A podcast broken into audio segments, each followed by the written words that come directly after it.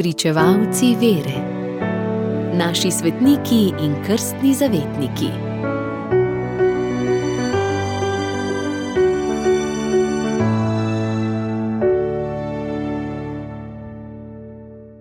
Danes zgodujeta apostola Filip in Jakob. Na vseh koledarjih sta pod isto streho.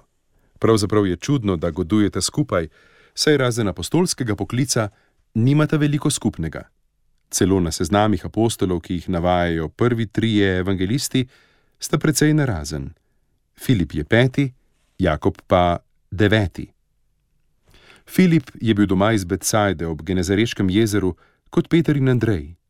Jezus ga je prvič videl med učenci Janeza Krstnika, ob drugem srečanju mu je rekel: Hodi za menoj.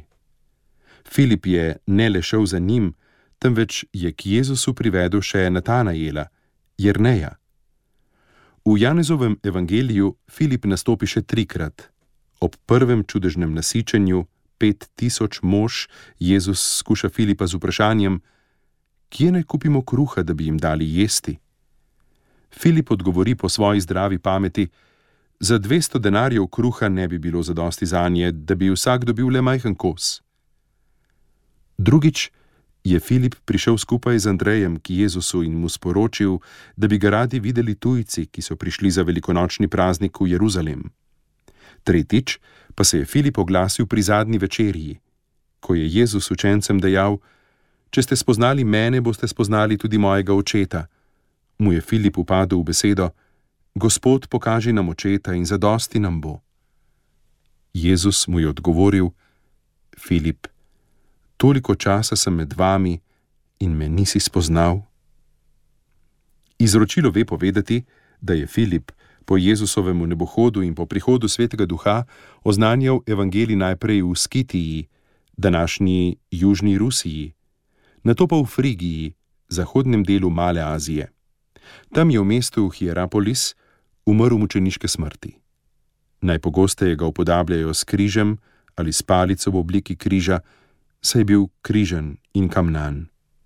Filipu pripisujejo apokrifni spis Filipova dela, apostolske zgodbe, ki so nastale najverjetneje v tretjem in četrtem stoletju. Jakob mlajši, v apostolsko službo je bil poklican pozneje kot prvi starejši Jakob, pa je bil doma iz Nazareta.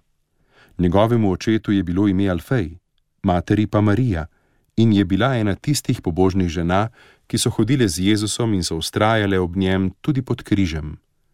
V vseh apostolskih seznamih je imenovan kot Jakob, Alfejev sin.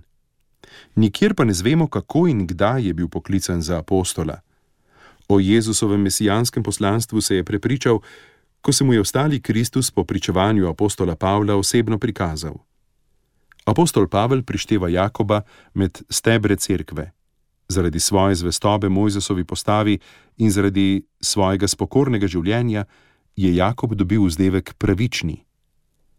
Postal je prvi škof Jeruzalemske krščanske skupnosti in odigral pomembno posredovalno vlogo na prvem apostolskem koncilu leta 50 v Jeruzalemu proti oskosrčnim kristjanom iz judovstva, ki so od spreobrnjencev in poganstva zahtevali, da morajo sprejeti tudi Mojzesovo postavo, je Jakob zastopal stališče apostola Pavla. Poganov, ki hočejo sprejeti vero v Kristusa, ne obvezuje ne obreza, ne judovska postava. Apostol Jakob je umrl kot mučenec okoli velike noči leta 62. Nekateri viri poročajo, da so ga kamnili, drugi pa pravijo, da so ga vrgli z tempeljskega obzidja in da ga je neki suknar potem pobil s kolom. Zato ga upodabljajo s suknarskim kolom ali kijem in s knjigo, ki je znamenje apostolov. Radio Ognišče, vaš duhovni sopotnik.